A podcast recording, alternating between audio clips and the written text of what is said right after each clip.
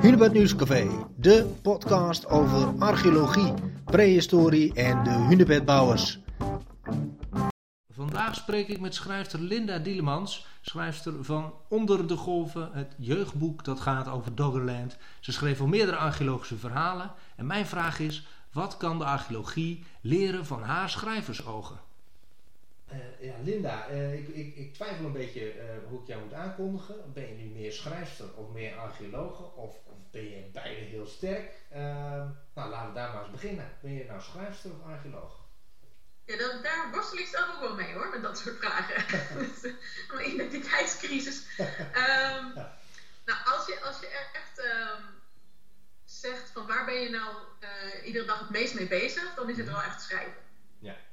Um, want um, dat kost gewoon heel erg veel tijd. uh, en ik ben ook met heel veel projecten altijd bezig. Dus, dus als het echt de werkpraktijk is, dan is het uh, vooral schrijven. Mm -hmm. Maar ja, ik hou me natuurlijk wel de hele tijd bezig met archeologische onderwerpen. Ja. Dus in dat opzicht ik zit ik echt tot mijn oren in archeologie. Dus ben ik eigenlijk ook nog gewoon eigenlijk net zo hard archeoloog. Het is alleen dat veldwerk wat er um, de laatste jaren een beetje bij inschiet, omdat het daar gewoon minder tijd voor is. Ja, je, je, ja, je, je, je komt niet met uh, een modder op de broek uh, meer thuis. Hè?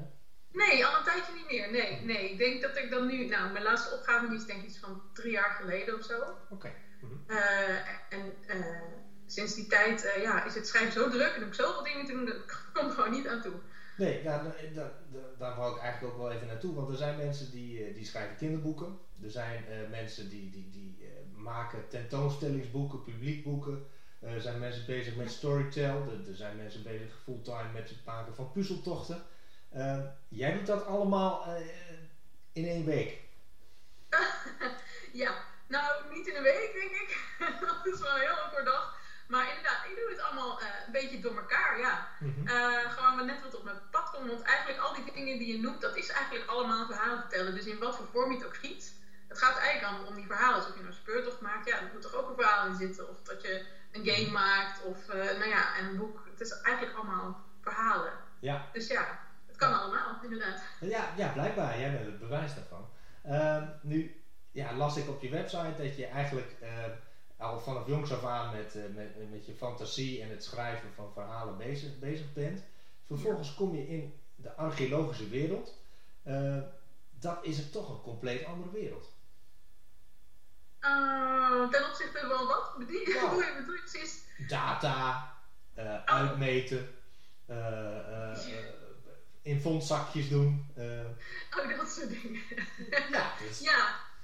Nou ja, weet je. Um, ja, je bent eigenlijk, terwijl je al die dingen doet, mm. al dat data en, en, en verzamelen en, en alles netjes ordenen en zo, ja. um, ben je eigenlijk ook al aan het fantaseren. Mm-hmm. Want in je hoofd ben je eigenlijk al die dingen al bij elkaar aan het stoppen en kijken wat heb ik nou. En dan maak je eigenlijk al een beetje dat verhaal. En dat doe je dan nog niet zo heel bewust. Mm-hmm.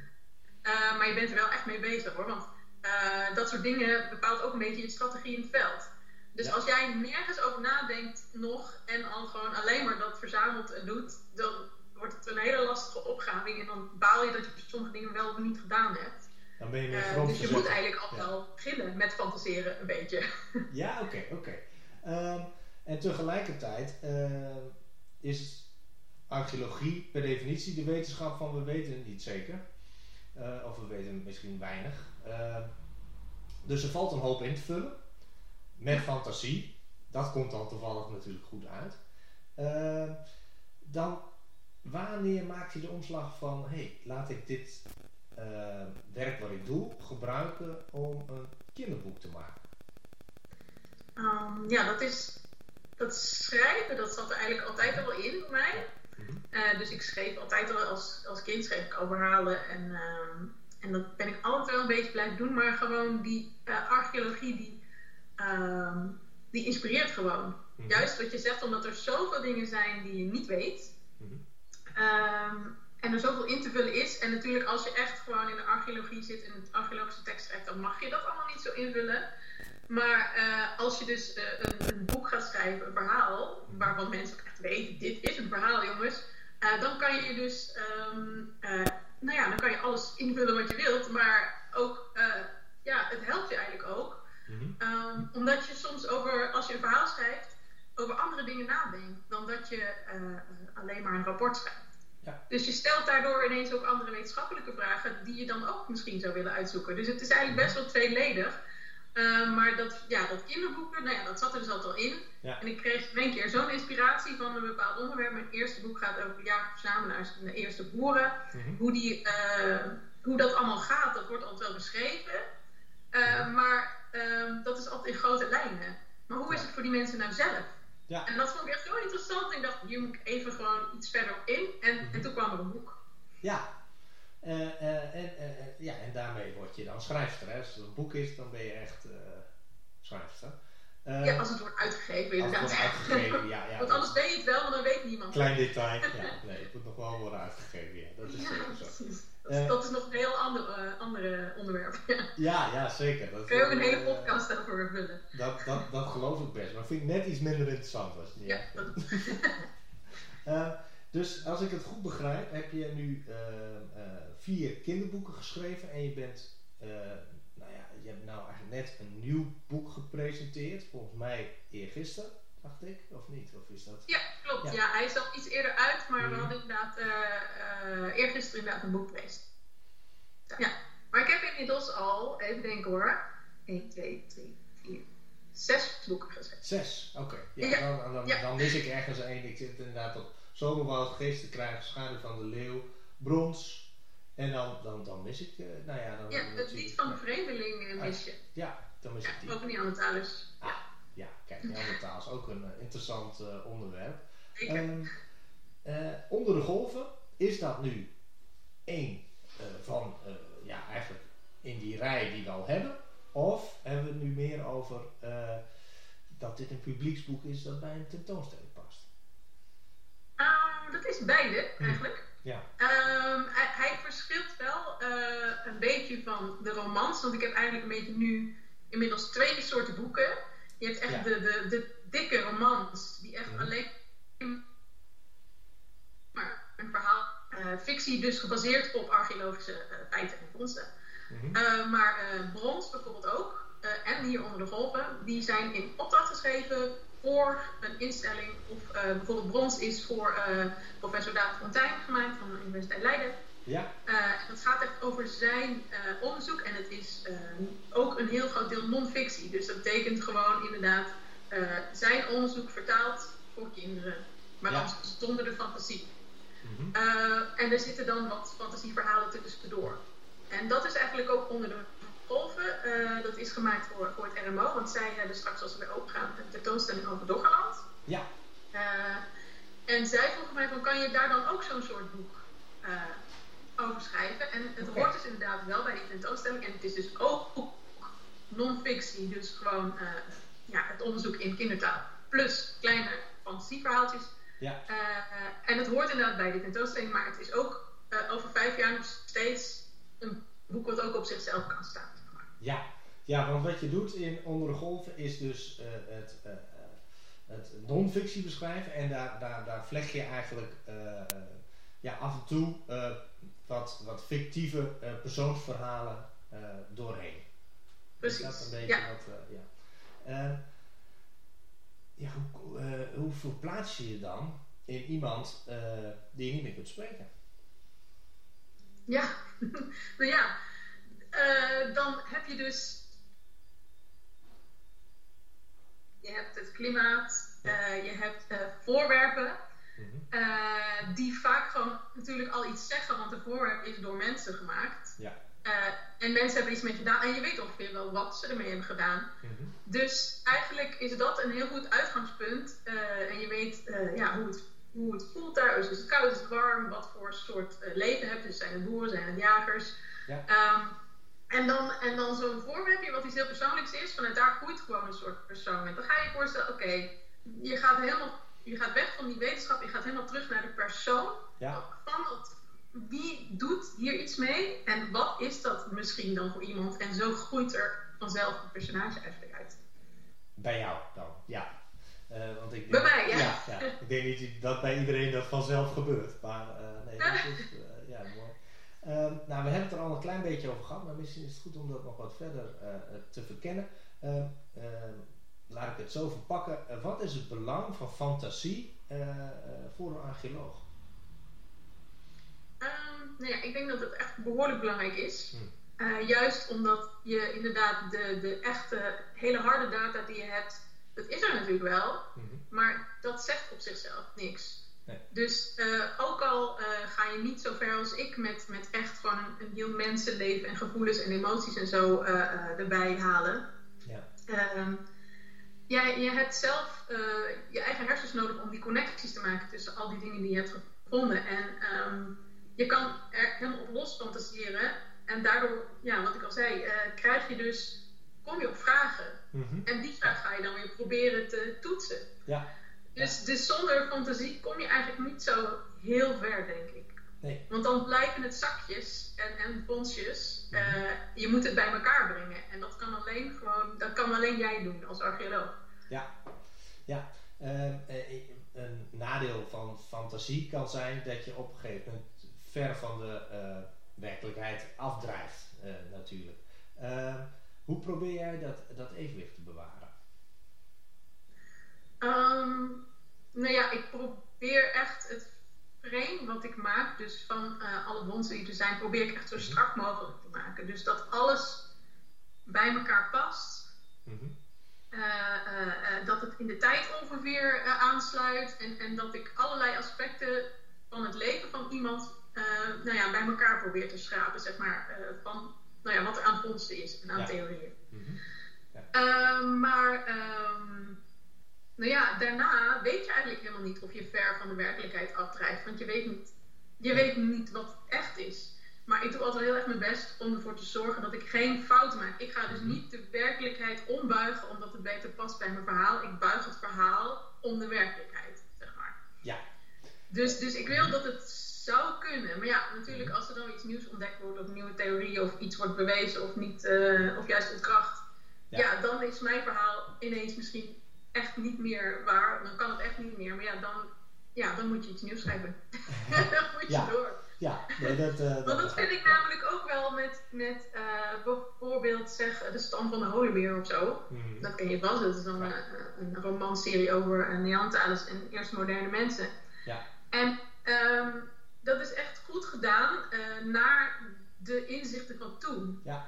Uh, nu tegenwoordig zijn er veel meer nieuwe andere inzichten. Maar als niemand dan meer een boek schrijft omdat er al een boek over Neandertalers is, ja, dan blijft het dus zo. Want mensen lezen gewoon vaker de stand van een holenbeer dan een wetenschappelijk artikel. Ja. Zeg maar. Ja, en als niemand meer probeert die verhalen te beschrijven, dan, dan, dan komen we ook niet verder wellicht. Nee, dan blijf je bij dat. En dan wat het, het grotere publiek, zeg maar, dan van Neandertalers meekrijgt, is mhm. dat boek van, uh, weet ik veel hoe oud, het is echt wel heel oud. Ja. Een tiental jaar oud.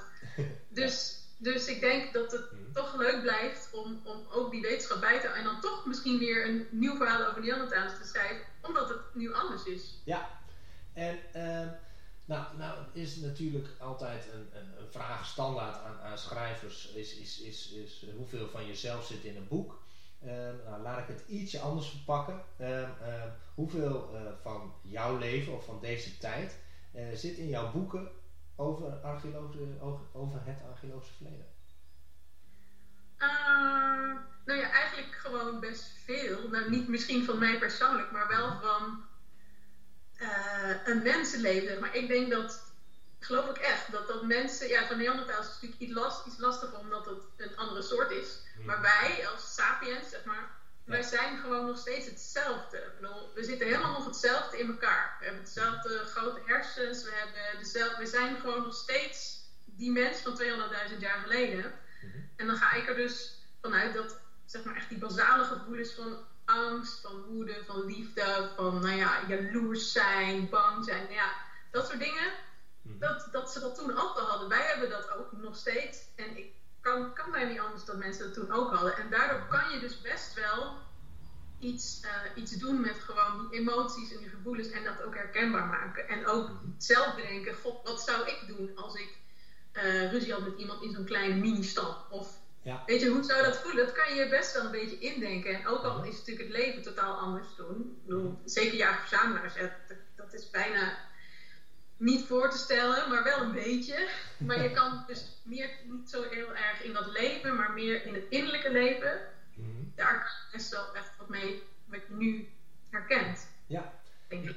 Nee, dat, dat, dat, dat lijkt mij ook zeker. Uh, ja, we, hebben het, al, we hebben het er al over gehad dat je eigenlijk heel veel uiteenlopende uh, dingen uh, doet en, en, en schrijft.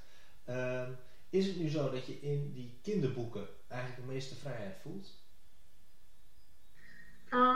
Um, ja, uh, maar ik denk dat uh, vooral de vorm is, de roman. Mm -hmm. Daar heb je de meeste vrijheid in. Want ja. dat nou voor kinderen of volwassenen is, maakt het niet zoveel uit.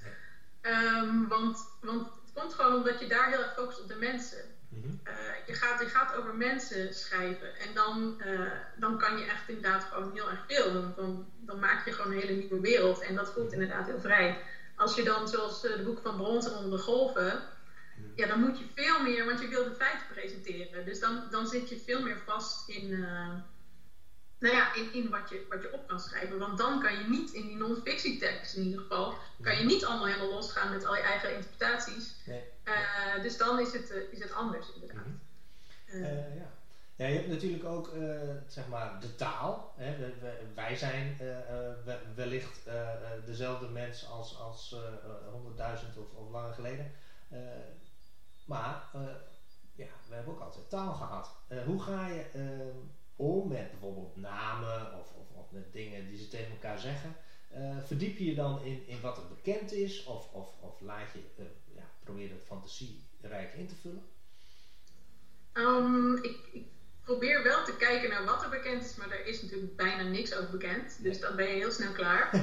ja. uh, zeker als je echt zo ver terug gaat, als ik meestal terug ga, dan, uh, dan is het echt heel lastig. Mm -hmm. uh, maar um, ja, namen die, die gaan echt op gevoel. Dat is gewoon intuïtie. Dus als je echt helemaal teruggaat naar, naar, naar Neandertalers, dan zijn de namen gewoon kort. -hmm. en, uh, en dan zijn ze niet al te moeilijk. En, niet, en ja, als je zeg maar Neandertaler Henk noemt, dan klinkt dat gewoon heel raar. Ja. Dus je moet gewoon een beetje iets wat een beetje alien, uh, alien is. Ja. ja. Uh, zodat het gevoel van die prehistorie een beetje komt. Mhm. En ik heb ook geprobeerd, zeker bij de Neandertalers, om geen A te gebruiken. Want er is ooit ergens een onderzoekje geweest dat zij de letter A niet zo heel goed konden uitspreken. Dat het een beetje een soort E werd. Oh, ja. Dus die naam heeft geen A.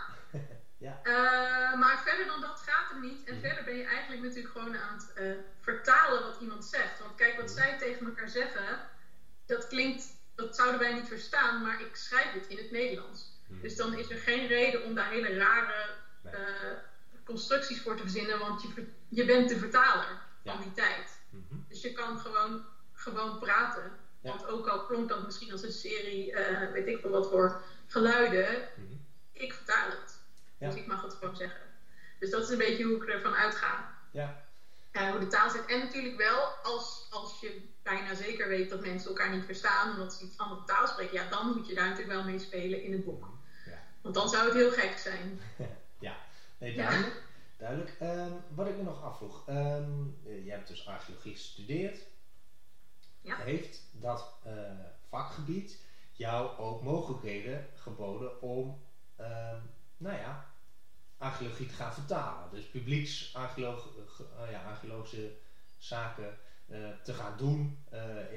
was er al een vak dat zich bezighield met, nou, hoe vertaal je nu je fonds naar publiek bijvoorbeeld? Nee, dat had ik nog niet. Ik denk dat dat tegenwoordig wel een heel groot onderdeel is van die studie, maar bij mij was dat nog niet zo. Nee. Dus het is echt ja. gewoon toeval. Ja, ja. Het heeft, is heeft vooral met jou te maken. Als, ja. Ja. het was vooral dat, dat uitgegeven worden dat dat net een archeologisch boek was. -hmm. dat, is, dat is gewoon het startpunt geweest. En daarna ja. ging ik gewoon mijn eigen gevoel daarin volgen. -hmm. En hoe meer van die boeken er kwamen, hoe meer mensen dachten: hé, hey, die Linda die, die kan iets. Uh, dat vinden wij ook wel leuk. Ja. Dus toen begonnen mensen me van te vinden. Ja. -hmm. En dat is natuurlijk hartstikke leuk, omdat ze ook weten, ik, ik ben ook echt archeoloog. Dus als je Mhm. mij een tekst geeft, een rapport, dan kan ik daar al iets van maken. Dan hoef je me niet uit te leggen uh, wat het allemaal is. Nee. Want dat kan ik zelf lezen, dus dat is heel handig. Ja, jij bent eigenlijk een soort, uh, soort missing link in, in, in, in, in de ontwikkeling. Zo van, nou ja, hoe zullen we dat eens doen? Oh wacht, we hebben Linda, die uh, ja, ja, als een soort schakel. ja, leuk.